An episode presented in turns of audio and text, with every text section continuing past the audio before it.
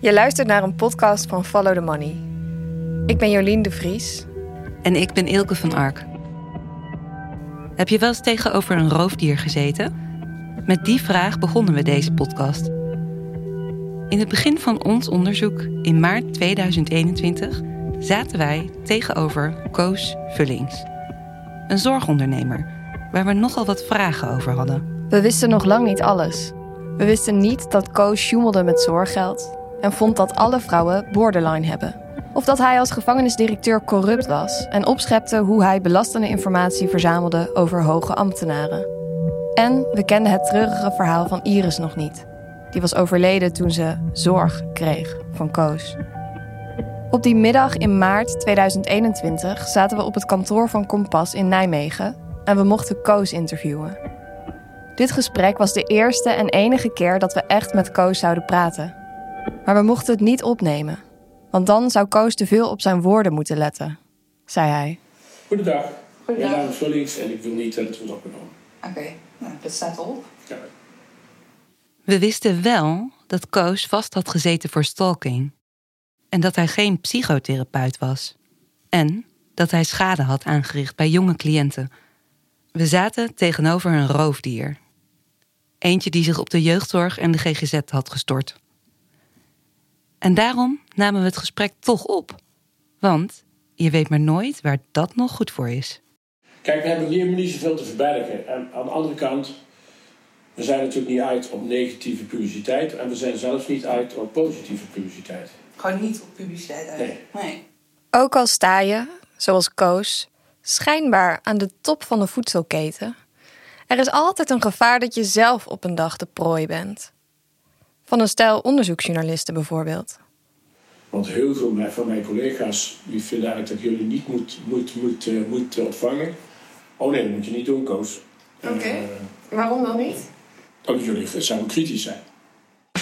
Je luistert naar De Wetten van Koos. Aflevering 6.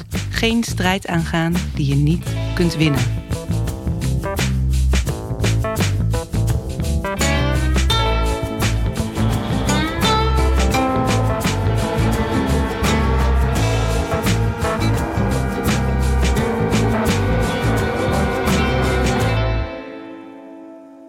Vooraf nog even een waarschuwing. In deze aflevering komen ongenuanceerde uitspraken voor over zelfbeschadiging, zelfdoding en eetstoornissen. Het zou toch niet dit zijn? Ik denk het wel. Ja, dit is hem. We staan voor een statig pand aan de Prins Bernhardstraat in Nijmegen. Het is het hoofdkantoor van Koos en zijn bedrijf Kompas. Ja. Ja, dit is het pand waar wij eh, een interview hebben gehad met coach Vullings. Het is daar op de bovenverdieping, achter dat raam. Dit is de plek waar we dat allereerste gesprek met Koos hadden, in 2021. Het was helemaal aan het begin van ons onderzoek. Maar nu zijn we terug. Want we hebben nog niet alle antwoorden. Hoe is het verder gegaan met Kompas? Heeft de inspectie alsnog ingegrepen? En wat gebeurde er toen er geen geld meer binnenkwam van gemeenten en zorgverzekeraars na al die onderzoeken? Het is hoog tijd om weer met een man te spreken die ons die antwoorden hopelijk kan geven. Koos. Ja, je kunt een beetje door het raam kijken. Ik eh, zie, eh, ja, het ziet er leeg uit. Maar Koos is er niet.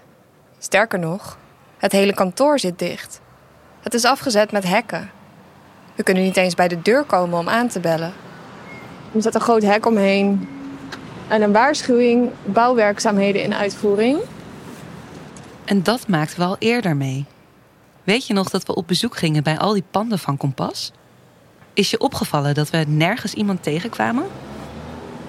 En eens aanbellen bij de woning. Ja.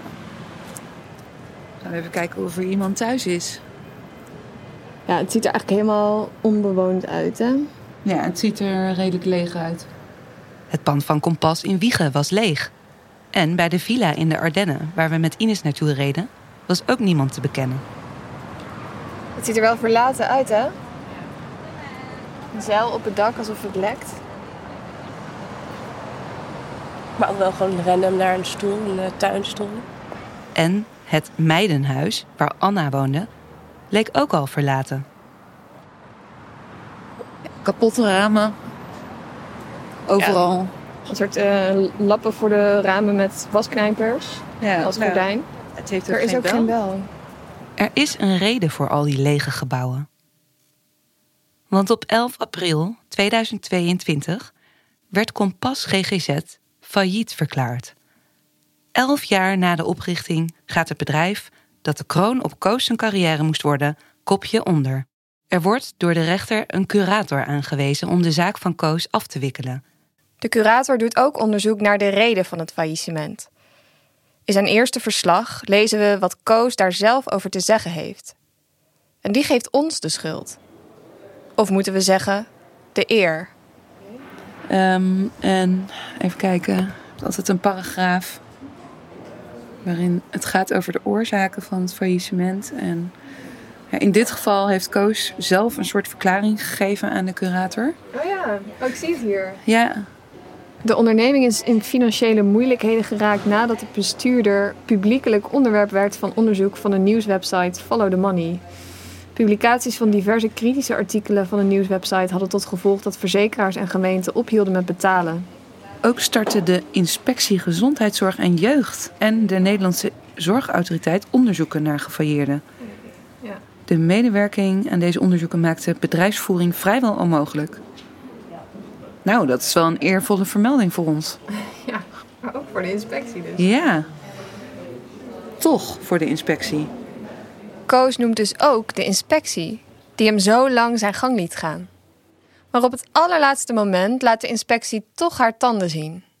Twee weken voor het faillissement legt ze Kompas een last onder dwangsom op. Een last onder dwangsom. Hoe zit dat? Nou, Koos mag blijven zitten, maar alleen als hij een raad van toezicht vindt. En zolang hem dat niet lukt, moet hij van de inspectie nu een boete gaan betalen van maximaal 50.000 euro. Maar zover komt het niet. Want Kompas gaat dus failliet. Wat hier staat, dat is eh, wat Koos er zelf over zegt. Het is nog niet de conclusie van de, van de curator, want die moet nog onderzoeken doen. Ja, er staat: curator neemt deze omstandigheden mee in het oorzakenonderzoek. Ja, nou, dat moet nog plaatsvinden. De curator zal nog bijna een jaar zoet zijn met zijn onderzoek. Wat zijn conclusie is, daarover vertellen we je straks meer. Maar eerst even terug naar het moment vlak nadat Kompas failliet ging, in april 2022. We bellen Koos dan voor een reactie. Dat hebben we bij ieder verhaal steeds gedaan trouwens. Koos bellen. En nooit was hij bereikbaar.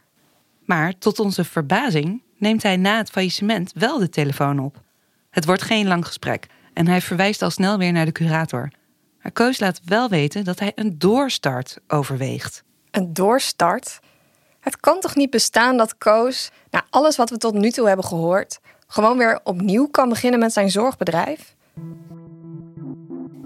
En dan herinneren we ons iets dat fraudeonderzoeker Brechtje Smans van zorgverzekeraar CZ ons vertelde. Toen we met haar praten over haar onderzoek naar Kompas, schetste ze een verontrustend beeld. Eigenlijk wat we meer terugzien bij andere fraudeonderzoeken is dat eh, zodra je de bestuurder aanpakt, gaat hij achter de schermen verder. Brechtje ziet dat fraudeurs in de zorg, zelfs als ze hun bedrijf kwijtraken, vaak toch nog door kunnen gaan. Kan hij nou zomaar weer een nieuwe instelling beginnen? Eh, ja, ik denk dat dat kan. Wow, iemand als Koos kan zo weer een zorgbedrijf beginnen. En dan zet hij als het ware een eh, vriend, vriendin, familielid, poppetje, noem het maar op. Zet hij in het bestuur. En diegene zelf zit achter de touwtjes, zal ik maar zeggen. Dus je kunt op verschillende manieren altijd een nieuw zorgbedrijf beginnen. Zou Koos dat ook doen? Opnieuw beginnen in de zorg? Dat is een vraag die alleen hij zelf kan beantwoorden. En de kans dat hij dat doet is klein. Want in de twee jaar dat we over hem schrijven, wilde hij ons dus maar twee keer te woord staan. Eén keer helemaal aan het begin, in zijn kantoor in Nijmegen. En één keer aan de telefoon, na het faillissement, ruim een jaar later. Natuurlijk hebben we bij ieder verhaal de feiten en onze vragen aan Koos voorgelegd. Zo hoort dat ook als journalist. Maar vaak reageerde hij niet inhoudelijk. En al snel kregen we mails van zijn advocaat. Die zoeken we even terug. Ja. Ehm, hier, dit is 23 juni. 2021. Ja, 2021. Dan eh, komt eh, ineens eh, deze advocaat ons pad. We mailen dan met haar heen en weer. ehm, geachte mevrouw van Ark, schrijft ze. Cliënt ziet wederom geen aanleiding om te reageren op uw, overigens onjuiste, aantijgingen. Ik verwijs naar mijn eerdere e-mail aan u met gelijke strekking. Met vriendelijke groet, Danielle Zwartjens. De advocaat van Koos. Ja, dus ja, nou laat hij dan zijn advocaat zeggen dat hij niet gaat reageren. Nee, maar hij zegt nog wel even dat alles onjuist is. Ja, dat nog wel. Ja. hij wil niet zeggen... Wat er dan precies onjuist Nee. is. Nee, alweer niet.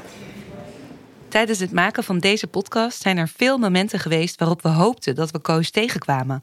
En iedere keer als we weer naar een pand van Kompas reden, bereiden we ons daarop voor. En wat nou als er zo meteen eh, wel mensen zijn? Ja. Het coaster is. En wat is dan de belangrijkste vraag die we moeten stellen? Hoe gaat het met je? Wat ben je? Ja. Wat doe je tegenwoordig? ja, stel je voor. Maar we komen Koos nergens tegen. Het zou toch te raar zijn als we, als, als we u zelf dan niet spreken? Ja, we willen jouw verhaal, jouw kant van het verhaal horen. Want dat willen we uiteindelijk ook. Het gaat ook helemaal over hem. Over zijn loopbaan, over zijn verleden. Ja, eigenlijk alles zijn wat hij eh, in zijn leven verzameld heeft, dat zetten wij op band. Ja, ja. Het zou toch ondenkbaar zijn dat hij dan zelf niet vertelt hoe hij dat ziet. Voor deze podcast af is, moeten we Koos confronteren met ons verhaal. Het is ondenkbaar dat we de podcast afsluiten zonder zijn reactie. We bellen hem op om een afspraak te maken voor een interview. Ehm, Oké, dus daar gaan we. 06 2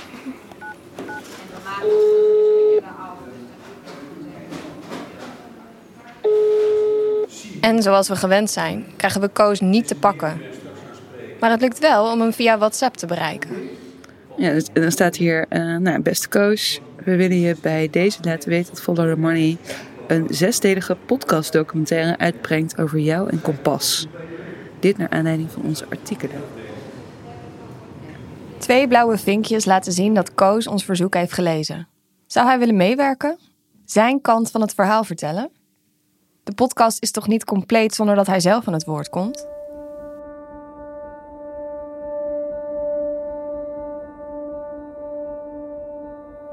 Na twee dagen reageert hij op ons bericht. Nee, schrijft Koos. Ik heb geen interesse om mee te werken in de vorm van een interview. Hij belooft wel om te reageren op de inhoud van de podcast. Die heeft hij namelijk uitgebreid kunnen luisteren. En uiteindelijk komt die reactie ook. In de show notes kun je een langere versie van Koos een antwoord vinden. In het kort komt het hierop neer. Om te beginnen probeert Koos het karakter van mensen die aan het woord komen in de podcast te besmeuren. Hij schildert ze af als mensen die uit wrok negatieve dingen over hem zeggen. We kunnen ze volgens Koos niet vertrouwen. We hebben vaker gezien dat hij mensen aanvalt als ze kritiek op hem uiten. Aan de podcast ging een onderzoek vooraf waarin we met meer dan 60 mensen hebben gesproken en tientallen documenten hebben gelezen. De beschuldigingen die je hebt gehoord in deze podcast hebben we allemaal gecheckt. Veel dingen die Andy, Linda, Jacqueline en Ton vertellen, ontkent Koos trouwens niet eens. In andere gevallen doet hij dat wel. Zijn kritiek is weinig overtuigend. Zo zegt Koos bijvoorbeeld dat hij nooit een brief heeft ondertekend met de titel psychotherapeut. Maar wij hebben die brief in ons bezit. Verder ontkent Koos dat hij de afbouw van Ines medicatie in de Ardennen begeleidde. Hij schrijft ook dat hij geen diagnose stelde of hoofdbehandelaar was. Heel geloofwaardig vinden wij die ontkenningen niet.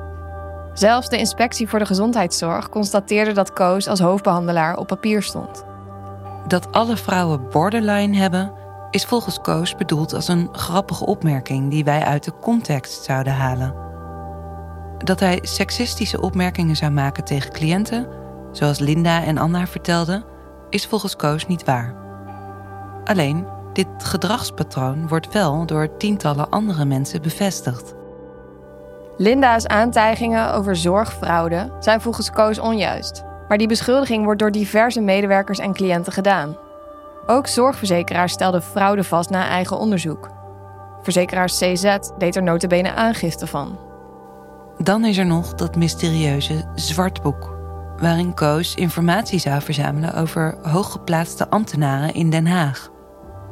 Bestaat dat zwartboek echt? Koos ontkent in ieder geval dat hij daarover verteld zou hebben. En tot slot is er de zaak van Iris.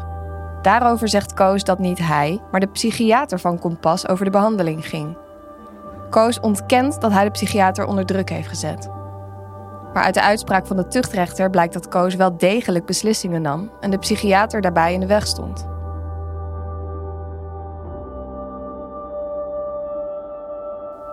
Dit is dus waar we het mee moeten doen. Een schriftelijke reactie die soms meer vragen oproept dan dat hij beantwoordt. En Koos zelf, die ga je, als het aan hem ligt, niet horen. Maar daar nemen wij, na alles wat we gehoord hebben, geen genoegen mee.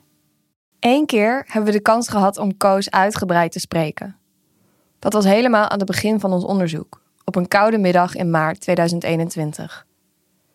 Het is het gesprek dat we van Koos niet mochten opnemen, maar dat deden we stiekem toch. En daar gaan we nu naar luisteren. We nemen je mee terug naar die middag, zo'n drie jaar geleden inmiddels. In het statige kantoorpand van Kompas in Nijmegen mogen we doorlopen naar de eerste verdieping. En daar, in een kamer met hoge ramen, zit Koos achter een ouderwets bureau. Normaal zit ik beneden, maar onze psychiaters hebben het erg druk, die zitten beneden. Het is opvallend hoe alledaags Koos eruit ziet. Een grijze stoppelbaard, een keurig pak. Op straat zou je hem zonder nadenken voorbij lopen. Is dit nou de charismatische Koos? De man die iedereen weet te misleiden? Neem plaats. Ja, Koffie, thee. Eh, een kopje thee alsjeblieft. Ja, ik ook. Terwijl Koos thee voor ons haalt, kijken we elkaar aan. We zijn zenuwachtig. Welke kant zal dit interview opgaan?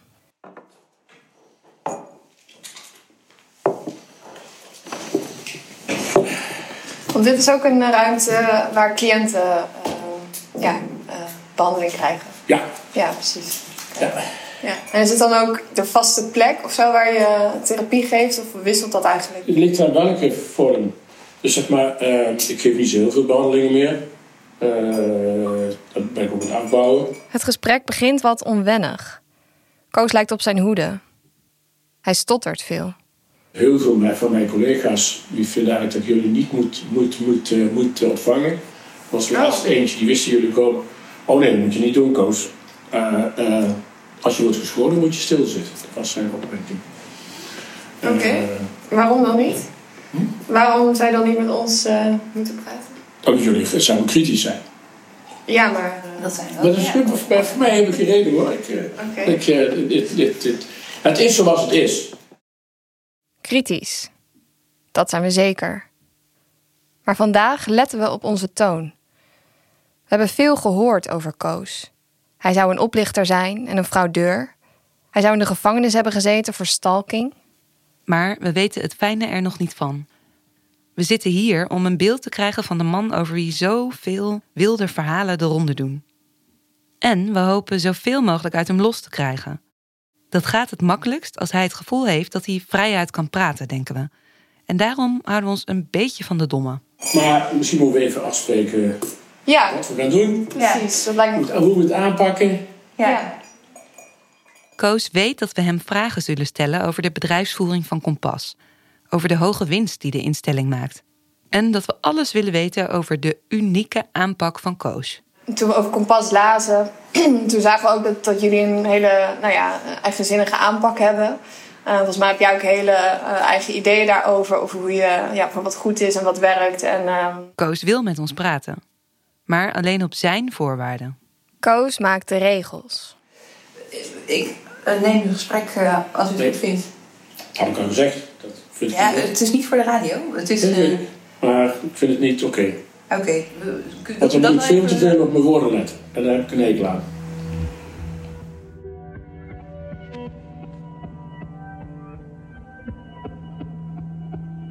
Toch laten we de opnames stiekem lopen. In eerste instantie alleen voor ons eigen archief. Dat is niet verboden. Als deelnemer van een gesprek mag je dat ook zonder toestemming opnemen. Maar voor de podcast besluiten we deze geheime opname toch uit te zenden. Omdat dit de enige opname is waarin je Koos zelf hoort vertellen wat Kompas is. Hoe het allemaal begon. En hoe hij naar zijn cliënten kijkt. We legden de uitspraken van Koos naast de gesprekken die we later voerden. Met zijn medewerkers Linda en Andy en cliënten Ines en Anna. Zij zagen een andere kant van Koos dan wij. Maar zelfs tegen ons, journalisten, deed Koos bizarre uitspraken tijdens het interview. Geen wonder dat hij niet wil dat we het opnemen. Koos begint met uit te leggen wie hij nou eigenlijk behandelt. Toen we begonnen was die, onze cliënt gemiddeld 18. Jongen, gedragsgestoord, drugsgebruik, be- beginnende criminaliteit. Dat was die doelgroep die iemand ook wilde. Een jongen van 18, gedragsgestoord, drugsgebruik, beginnende criminaliteit, zegt Koos. Een doelgroep die volgens hem niemand wil en die dus nergens anders terecht kan. Koos, de ondernemer, ziet een gat in de markt. Eh, eh, als je shit maar groot genoeg is. Dan als je maar wil. Ja, als je shit maar groot genoeg is. Dat is Oké, dus dat het je, je ticket is eh, om te bedoel, komen. het- het- het- so- Sommigen hebben helemaal totaal geen alternatief meer. niks te verliezen. Ja, ja. Je moet echt niks Ja. Voor je shit is zo groot. Hmm. Drugsgebruikers zijn over het algemeen, die hebben gewoon echt weer alles, alles stuk gemaakt. Dat is gewoon een leven van liegen en bedriegen. Ja. En als dat jouw levensstijl is en, iedereen is klaar met jou en je hebt al een paar keer geprobeerd om het einde aan je leven te maken en zelfs dat ben je niet goed in, zeg ik het ook. Dat heb ik al vijf keer geprobeerd en zelfs dat kan ik niet. Ja, dan wil je wel helemaal met de billen bloot. Mensen met niets te verliezen. Die groep was geknipt voor de behandeling in de Belgische Ardennen. Die unieke behandeling van Kompas, waar Ines en Andy in de eerste afleveringen over vertelden. Wat is de filosofie van zo'n eh, eh, van zo'n traject? Nou, het is vooral bij, voor jongeren vooral dat het soms heel goed is om gewoon even uit je eigen omgeving te zijn. En eh, zeker als het over verslaving gaat. Eh, zonder, zonder telefoon. Eh, je kunt hier in Nederland op elke hoek van de straat drugs krijgen zoveel als je wilt. En in het dennen is het, eh, het enige wat ze daar zeg ik altijd in de zaak kunnen snuiven is frisse lucht en gras. En dat heb ik het ongeveer gehad. En dat is vooral die werking. Ja. In de Ardennen lopen regelmatig mensen weg. Mensen als Ines die zonder telefoon, paspoort of geld thuis moeten zien te komen. Koos ziet het probleem niet. Eh, de, de, de eerste frietkraam weet ongeveer wel dat, dat je eraan komt, want die zijn dit al een beetje gewend. En over zijn personeel is Koos duidelijk. Hoe jonger, hoe beter. Hij lijkt veel werkervaring haast te zien als een nadeel. Hier beginnen heel veel mensen hun, hun, hun, hun werk hier. De psychologen, orthopedagogen, het liefst direct van de universiteit. Hoef je niet zo heel veel af te leren. Dan hoef je ze niet zoveel af te leren, zegt Koos hier. Dat afleren gebeurt onder andere door hemzelf. Hij heeft immers een schat aan ervaring. Ik word er wel eens gevraagd als, een, eh, als behandelaar vastlopen. Ja. En eh, om, eh, om mee te kijken. En mee te kijken betekent vaak gewoon mee het gesprek of wat dan ook. Ja. Toch is Koos hier op zijn hoede, merken we. Hij noemt zichzelf tegenover ons geen psychotherapeut. En hij zegt dat hij zelfs nauwelijks behandelingen meer geeft. Ik begrijp dat je dat wel wat meer gedaan hebt, het eh, zelf Ja, ja, ja. ja. Ze hebben, ze- ja toen begonnen waren we met z'n drieën. Ja. En wanneer is dat een beetje ingezet dat je dacht van nou is het mij De afgelopen jaren. de afgelopen jaar Dus, eh, de- minder geworden eigenlijk? Het, de, ja, ja, ja, stuk steeds meer. Meer bestuurder, meer directeur, meer Ja. eh, eh, aansturen dan, eh, dan, eh, dan zelf zijn cliënten zien. En zijn rol als zogenaamde psychotherapeut is niet het enige onderwerp waarover Koos op zijn hoede is. Als we voorzichtig informeren naar zijn veroordeling voor stalking, kapt hij dat meteen af. Eh, daarover gesproken. U heeft zelf eh, eh, toch ook wel een aanklacht gehad van Ja, ja ik heb een aanklacht gehad. Want, en dat vind ik heel onorthodox. Eh, ik heb begrepen dat u daar ook gewoon over praatte op het werk. En u heeft ook een tijdje vastgezeten. Ja. En dat is gewoon bekend eigenlijk binnen de instelling. Ja. Maar, Daar moest ik wat meer van weten. Ja, maar daar ga ik niks over vertellen, want, daar zo, want daarvoor zijn we hier. We hebben, we hebben het over Kompas en het, eh, wil het heel graag bij Kompas laten. We gaan er niet over door, want we krijgen het gevoel dat Koos dan wel eens heel snel klaar zou kunnen zijn met dit interview. En we willen deze tijd benutten om hem zoveel mogelijk te laten vertellen. Onze kritische vragen bewaren we wel voor later. En die methode werkt in ieder geval om hem op zijn praatstoel te krijgen. Het is duidelijk dat Koos Kompas ziet als zijn levenswerk. Ik loop al 40 jaar mee. Ik heb 10 jaar in Baas gewerkt, waar ik ze allemaal zag komen en gaan. En, en toen de tijd een behandelbaas voor drugsklanten opgezet. Ik zeg altijd, Kompas is eigenlijk geworden alles wat ik in die 40 jaar overal een beetje heb, heb meegesnoept. Nou, dat is allemaal een beetje samengekomen. Ja. Kompas kan niet bestaan zonder Koos. Kompas is, eigenlijk uh, Koos Vollings. eh. Ja, veel mensen zeggen dat. Ja. En, en Koos Vullings is Kompas. ja. Ja. Koos Vullings is Kompas. En Kompas begon in 2011 als een instituut voor gedragsgestoorde lichtcriminele jongens die drugs gebruiken. Om Koos maar even te citeren. Maar in de loop der jaren begon dat te veranderen. Nu is het lekker meisje geworden. Gemiddeld 18. Vroegtijdige traumatisering. Dus we zijn veel meer een trauma-instituut. Vooral meisjes dus eigenlijk. Ja. eh, ja, ja. Vroegtijdige traumatisering. Niet of slecht behandeld. Dan ontstaan er persoonlijkheidsstoornissen van de bekendste, eh, de, de borderline. Die dan ook nog, eh, dan geen verslaving, ik noem dat middelengebruik, maar veel meer als acting-out gedrag of als zelfmedicatie. Meisjes die vroeg in hun leven traumatische gebeurtenissen meemaken. Meisjes als Ines en Anna die ook nog eens een ingewikkelde thuissituatie hebben. Dat is de groep die terechtkomt bij Kompas.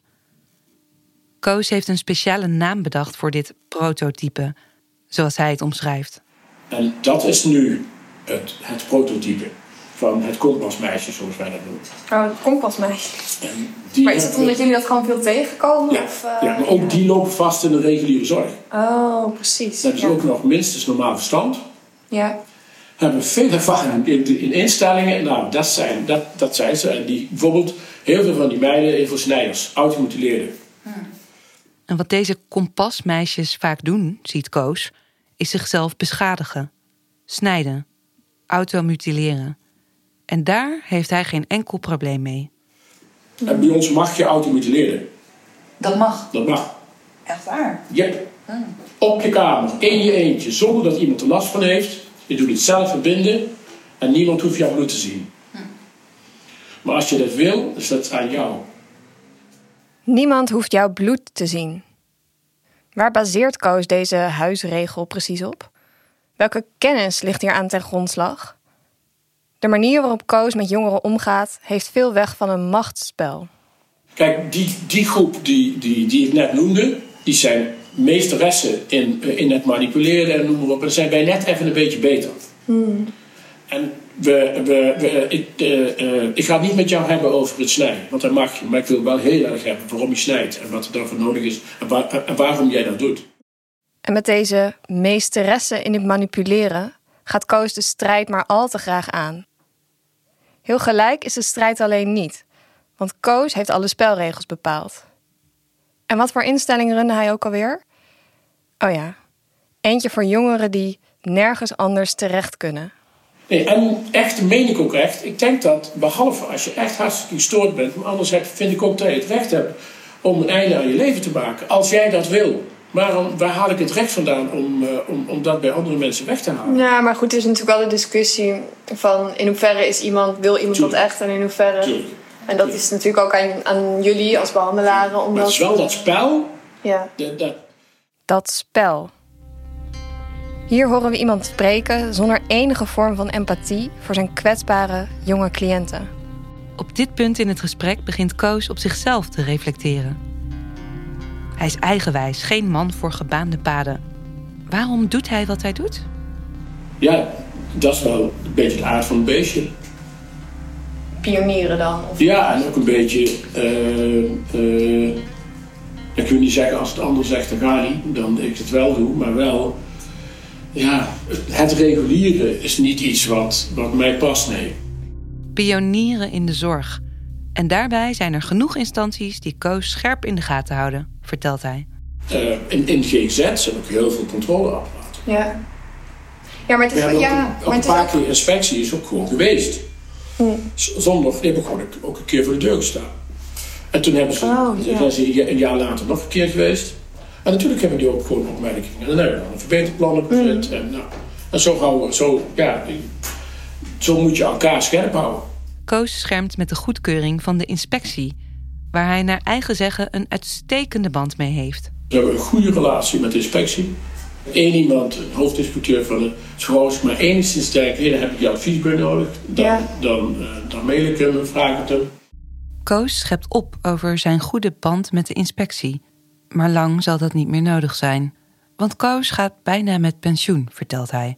Tijd om leuke dingen te doen met de winst die hij met Kompas verdiende. Maar u gaat er dit jaar nog niet mee stoppen? Of Nee, maar ja, ik wel, ga wel gaat afbouwen. ook een beetje... eh, Ik ga wel afbouwen. Ja, ja. Ik moet nog jaren genoeg overhouden om op dat geld een keer op te maken. Koos ziet zichzelf als een man met visie, niet geschikt voor het reguliere. In zijn eigen ogen is Kompas de kroon op zijn levenswerk.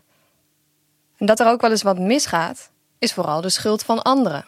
Maar dat- gaat niet mis. Dat gaat niet... eh, Natuurlijk gaat er ook mis, maar dat is allemaal therapiemateriaal. Daar gaan we mee in de gang. ja, ja. Oké, maar ik bedoel mis dat het echt goed misgaat. zeg Nee, maar. Wat eh, wel waar is, zo de soms, we hebben natuurlijk heel vaak dat, dat, dat, het, dat, dat, dat cliënten ervoor kiezen om niet verder te gaan. Maar hoe absurd sommige uitspraken van Koos ook zijn, en hoe hij er van alles lijkt uit te flappen, ondertussen let hij donders goed op zijn woorden. We vragen hem een paar keer of hij therapeut is. En hij past er wel voor op om zichzelf psychotherapeut te noemen. Dat komt dan van die trauma... Ja, daar je hebben we bent zelf traumatherapeut, toch? Ja, ja, ja ik, ik, ik, ik doe EMDR. En ik doe ook, maar- ehm, ehm, eh, Ook doet hij tegenover ons alsof er allerlei kritische mensen bij Kompas werken die hem constant bijsturen. Maar hoe weet je dan dat je goed bezig bent? door mensen om je heen te verzamelen eh, die, die daarin meekijken, die daar, die daar ook kritisch op zijn. Ja.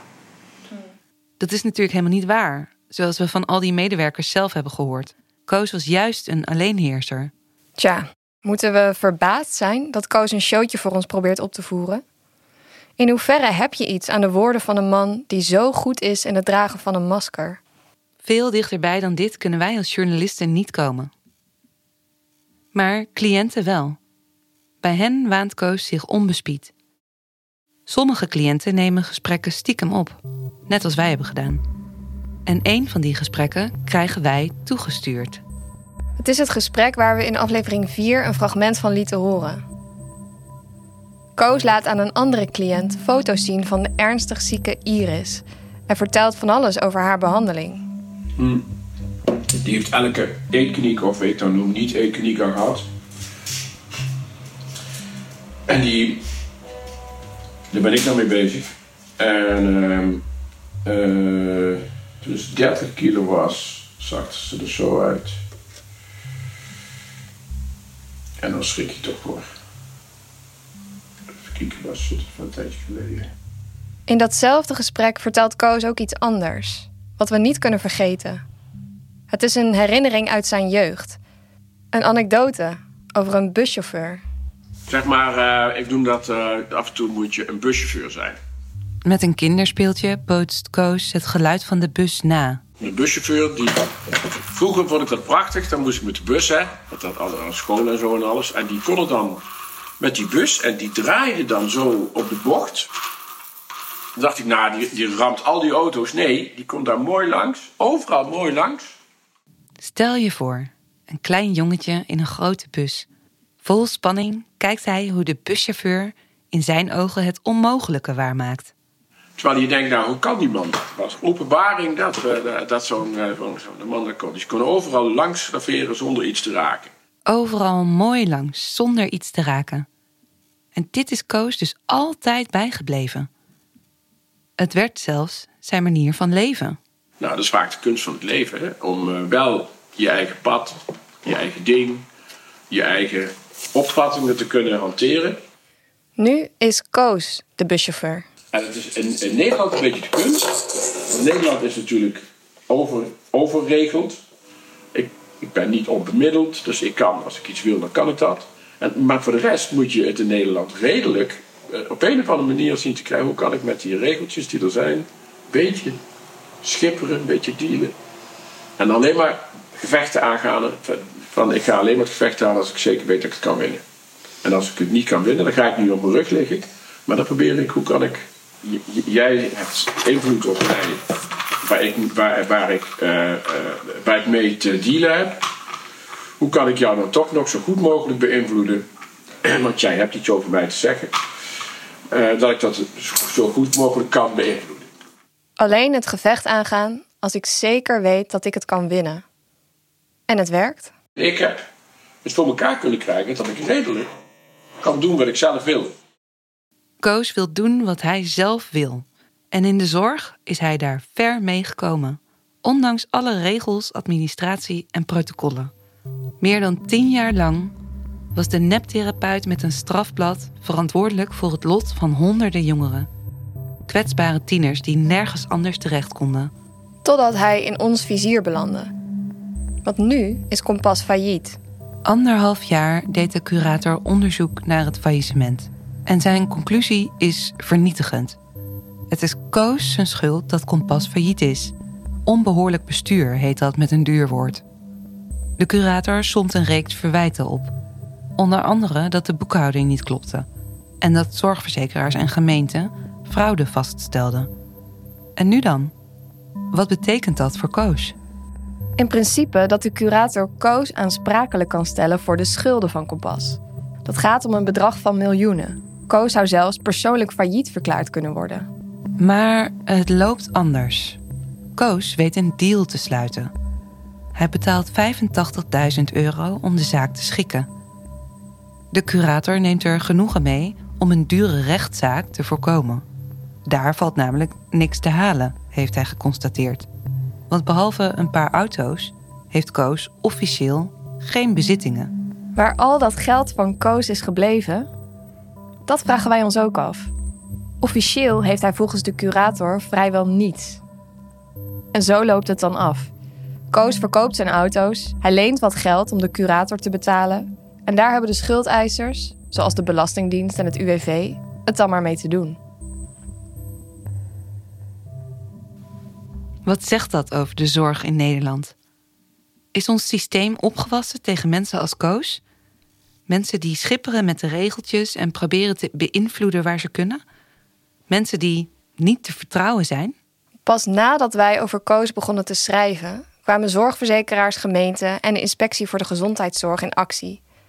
Instanties die toezicht moeten houden op de veiligheid en kwaliteit van de zorg. In zekere zin gaat dit verhaal niet over Koos Vullings, maar over de manier waarop we als samenleving omgaan met iemand als hij. Als we terug zijn bij oud-medewerker Andy, legt hij uit hoe hij het ziet. Kijk, we kunnen met z'n allen naar, naar Koos Vullings kijken. We leven wel in een maatschappij die Koos deze kans heeft gegeven. Weet je? Daar, daar zit misschien nog wel een veel grotere oplossing. Hoe kan het zijn dat dit soort mensen, want hij is niet de eerste, en ik kan je vertellen, hij is zeker niet de laatste. We leven in een maatschappij die Koos de kans heeft gegeven om te doen wat hij nou eenmaal doet.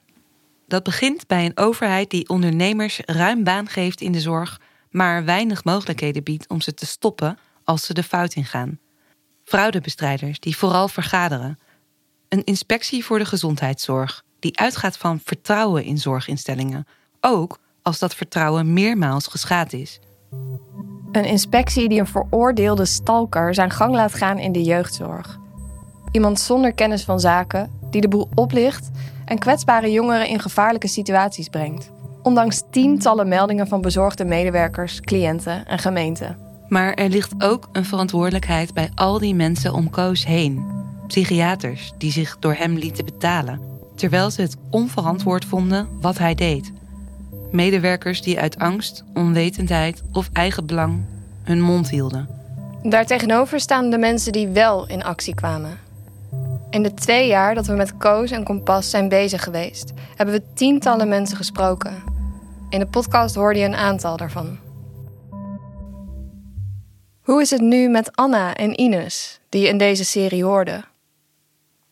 Anna vertelt dat ze uiteindelijk goede therapie vond voor het jeugdtrauma waarmee ze een paar jaar geleden bij Kompas belandde. En dat deed haar goed, zegt ze. Ik heb het ook gewoon over mijn dingen gehad van Koos aan van Kompas, omdat het gewoon zo diep bij mensen zit. dat ik extra eh, therapie nodig heb gehad om dat terug te draaien. Het is nog steeds wel moeilijk om te geloven dat ehm, wat ik allemaal heb meegemaakt, ehm, dat dat niet mijn schuld is. Maar nu durf ik het tenminste te denken. Anna wil andere mensen die met het leven worstelen een beetje moed meegeven. Wat mij altijd heel erg uh, hielp is uh, de gedachtegang van morgen komt de zon op en het is een nieuwe dag. En um, de gevoelens die je voelt, dat is oké. En praat erover met degene die je vertrouwt, want je hoeft het niet alleen te doen. En jij bent er ook uitgekomen, hè? Ja, ja. Ja, gelukkig wel. Met dank aan goede hulp? Ja, niet opgeven, nee. Niet opgeven. Ook niet als je van heel ver komt. Zoals Ines, die we helemaal aan het begin van dit verhaal meenamen in de auto naar de Ardennen. Ik ben Ines en ik ben 26 en ik, um, ik kom van heel ver. Van uh, een alcoholverslaving, angsten, dwang. En um, ja, nu ben ik hier. Ook met Ines is het dankzij goede hulp helemaal goed gekomen nadat ze weg was bij Kompas. Ze is nu huisartsassistent en moeder en ze geniet van haar jonge zoontje, vertelt ze ons trots. Ik werk uh, inmiddels uh, twee dagen in de week bij een huisartspraktijk. En daarnaast ben ik moeder van een, uh, van een prachtige zoon van bijna twee. En dat, um, ja, dat is misschien wel de beste behandeling die ik ooit heb kunnen krijgen. Moeder worden, ja. En ik ben wel al, ja, wat is het, vijf jaar clean. Dit was een podcast van. Wacht even, we zijn nog iets belangrijks vergeten. Oh ja, we moeten nog vertellen hoe het dan nu met Koos is. Weet je nog wat de waarschuwing was van fraudeonderzoeker Brechtje van zorgverzekeraar CZ? Koos kan zo weer opnieuw beginnen in de zorg, als hij wil. Daarom bleven we tijdens het maken van deze podcast steeds checken bij de Kamer van Koophandel of Koos niet ineens weer een nieuw bedrijf heeft. En op een dag lezen we dat hij inderdaad weer opnieuw is begonnen. Hij zal toch niet opnieuw iets in de zorg doen? Nee. Koos heeft een heel ander carrièrepad gekozen. Koos werkt tegenwoordig voor zichzelf, als klusjesman. Hij doet ook tuinen. Je kunt hem inhuren via Werkspot. Hij ziet er deskundig uit. We lezen op zijn profiel dat hij al zijn hele leven ervaring heeft met het bouwen van schuttingen. Dit was een podcast van Follow the Money. Ben je benieuwd naar onze andere verhalen? Word dan gratis proeflid via ftm.nl/slash koos. Het onderzoek, de interviews en de montage van deze podcast zijn gedaan door ons, Ilke van Ark en Jolien de Vries. De eindredactie was in handen van Marion Oskamp. Mixage en sounddesign door Dennis Gaans. De titelsong is van Daan van Haren. Art direction door Helene Emanuel. Ontwerp door Roy Abink en development door Jorik van Essen en Richard Jong. Verder willen we de volgende collega's bedanken voor hun hulp bij het tot stand komen van deze podcast. Sophie Blok, Sophie Stadhouders, Jan-Willem Sanders en Harry Lensink. En jij, bedankt voor het luisteren.